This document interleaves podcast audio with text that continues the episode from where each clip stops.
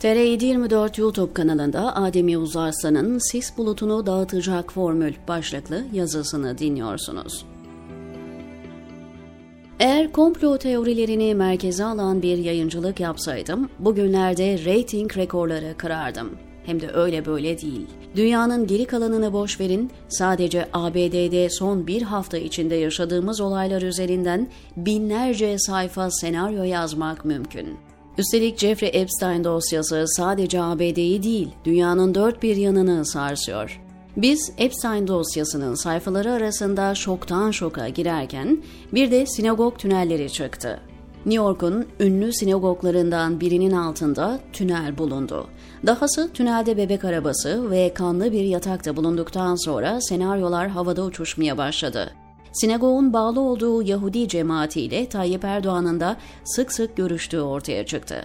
Bunlar yetmezmiş gibi ABD Savunma Bakanı da günlerdir ortada yok. Yılbaşı gecesi hastaneye kaldırılan Bakan Lloyd Austin bir hafta ortada görünmedi ve hükümetten kimse nerede olduğunu bilmiyormuş. Günler sonra bakanın kanser olduğu açıklandı. Üzerine komplo teorisi üretilebilecek bir durum denebilir. Acaba dedirten detaylar. Epstein dosyasına dair çok şey yazıldığı, söylendiği için tekrar edip vaktinizi almayacağım. Açıkçası ben olayı zengin ve ahlaksız bir adamın görgüsüzlüğü, sapıklığı olarak okuyanlardan değilim. Komplo teorilerine prim vermek istemiyorum ama şüpheci olmamızı gerektirecek çok şey var. Tamam, Epstein zengin bir adam, çok popüler ve güçlü bağlantıları var. Ancak hem New York hem de ABD'nin başka yerlerinde verdiği partiler, ağırladığı misafirler ve Karayipler'de bulunan özel adasında çevirdiği dolaplar basit bir hedonizm olarak görülemez. CIA kayıtlarına göre Epstein'in kurduğu suç örgütünün elinde tam 3000 ayrı kayıt var. Epstein gibi zengin ve güçlü adamlar aralarında ABD başkanlarının da olduğu bu kadar önemli adamı veya kadını fantezi olsun diye kayıt etmezler. Epstein'ın yolunun İsrail istihbaratıyla kesiştiği de çok sayıda şahidin anlatımlarıyla ortada. Küçük yaşta çocukların kaçırılarak Epstein'ın adasında zengin ve varlıklı insanlara servis edilmesi mutlaka soruşturulmalı ama burada sorgulanması gereken çok önemli bir durum daha var. Acaba Epstein bütün bu işleri bir örgüt adına yapmış olabilir mi? Bu kadar kamera kaydını, fotoğrafı ana olsun diye arşivlediğini düşünmek pek mantıklı değil. Siyasilerin, bürokratların veya kritik konumlardaki kişilerin şantaja açık hale geldiği görülüyor. O görüntüleri elinde tutan ya da işlenen suçlara dair bilgisi olan bir güç merkezinin bunları kullanmayacağını düşünemeyiz. İşte bu yüzden Epstein davasını sadece küçük yaşta çocukların kaçırılıp istismar edilmesi boyutuyla sınırlı tutmamak gerekiyor. Kolay olmadığını biliyorum.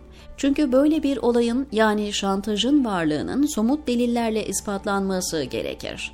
Şantaja uğrayanların bunu kolaylıkla açıklayamayacakları da bilinen bir gerçek. İşte burada devreye özgür medya giriyor. Eğer medya korkusuzca üzerine giderse bazı şeyler daha kolay aydınlanabilir. Açıkçası içinde popüler simalar, güçlü politikacılar, çok zengin iş adamları ve ünlü sanatçıların olduğu bir skandalın ana akım medyada daha fazla yer bulması gerekirdi. Ancak olmadı. Dünyanın büyük gazete ve televizyonları hak ettiği ilgiyi göstermedi. Bu durumda komplo teorisyenlerinin elini güçlendiriyor. İş dönüp dolaşıp Yahudi lobisiyle ilişkilendiriliyor. Hal böyle olunca da skandal ağırlıklı olarak sosyal medya üzerinden tartışılıyor, konuşuluyor. Peki bütün bunlardan bize ne diyen okurlarımız varsa peşinen söyleyeyim. Konu o kadar basit değil. Öncelikle bu skandalın aktörleri dünyayı yöneten, yönlendiren insanlar. Onların karıştığı her türlü skandal dünyanın geri kalanındaki sıradan insanların da hayatına dokunuyor. İkincisi, bu olayların sadece ABD'de olduğunu düşünmüyorsunuz herhalde. Gelin hafızalarınızı iki ayrı örnekle tazeleyelim. Epstein'ın adası ve gizli kameralarla donattığı malikanesi bana Cem ve Hakan Uzanlar'ın Sakarya'daki meşhur çiftliğini hatırlatıyor. Çiftlikte yatak odalarını kaydeden kameraların yanında misafirlerin kullandığı tuvaletlerde idrar örnekleri toplayıp analiz eden bir sistem bile çıkmıştı. Bir de sauna çetesi benzeri örnekler var ki o hem daha örgütlü hem devlet gücünü ardına alıyor hem de çok geniş ölçekteydi. Erdoğan rejimi 17 Aralık 2013 büyük yolsuzluk ve rüşvet operasyonunda suçüstü yakalanınca eski Türkiye'nin suç örgütleriyle ittifak kurup bütün önemli soruşturmaları kapattı. İşte onlardan birisi Ankara merkezli Savuna Çetesi soruşturmasıydı. Aralarında Türk Silahlı Kuvvetleri'nin en seçkin birliği olan özel kuvvetlerden askerlerin, emniyetten üst düzey polislerin, MIT'ten isimlerin ve mafya örgütlerinden tetikçilerin olduğu bir örgüt deşifre edildi. Örgüt özetle şöyle çalışıyordu. Masaj salonları ve saunalara yerleştirilen gizli kameralarla hedef siyasiler, bürokratlar ya da iş adamları kayda alınıyor daha sonra da bu kayıtlar üzerinden şantaj yapılıyordu. Çete üyelerinden elde edilen kayıtlarda çok sayıda siyasetçi ve üst düzey bürokrata ait uygunsuz görüntüler çıkmıştı. Gerçi o kayıtların hatırı sayılır bir kısmına hala ulaşılabilmiş değil. Kim bilir hangi siyasi veya bürokrat o mekanlarda kaydedildi ve o kayıtlar üzerinden hangi şantajlar yapıldığı yapılıyor.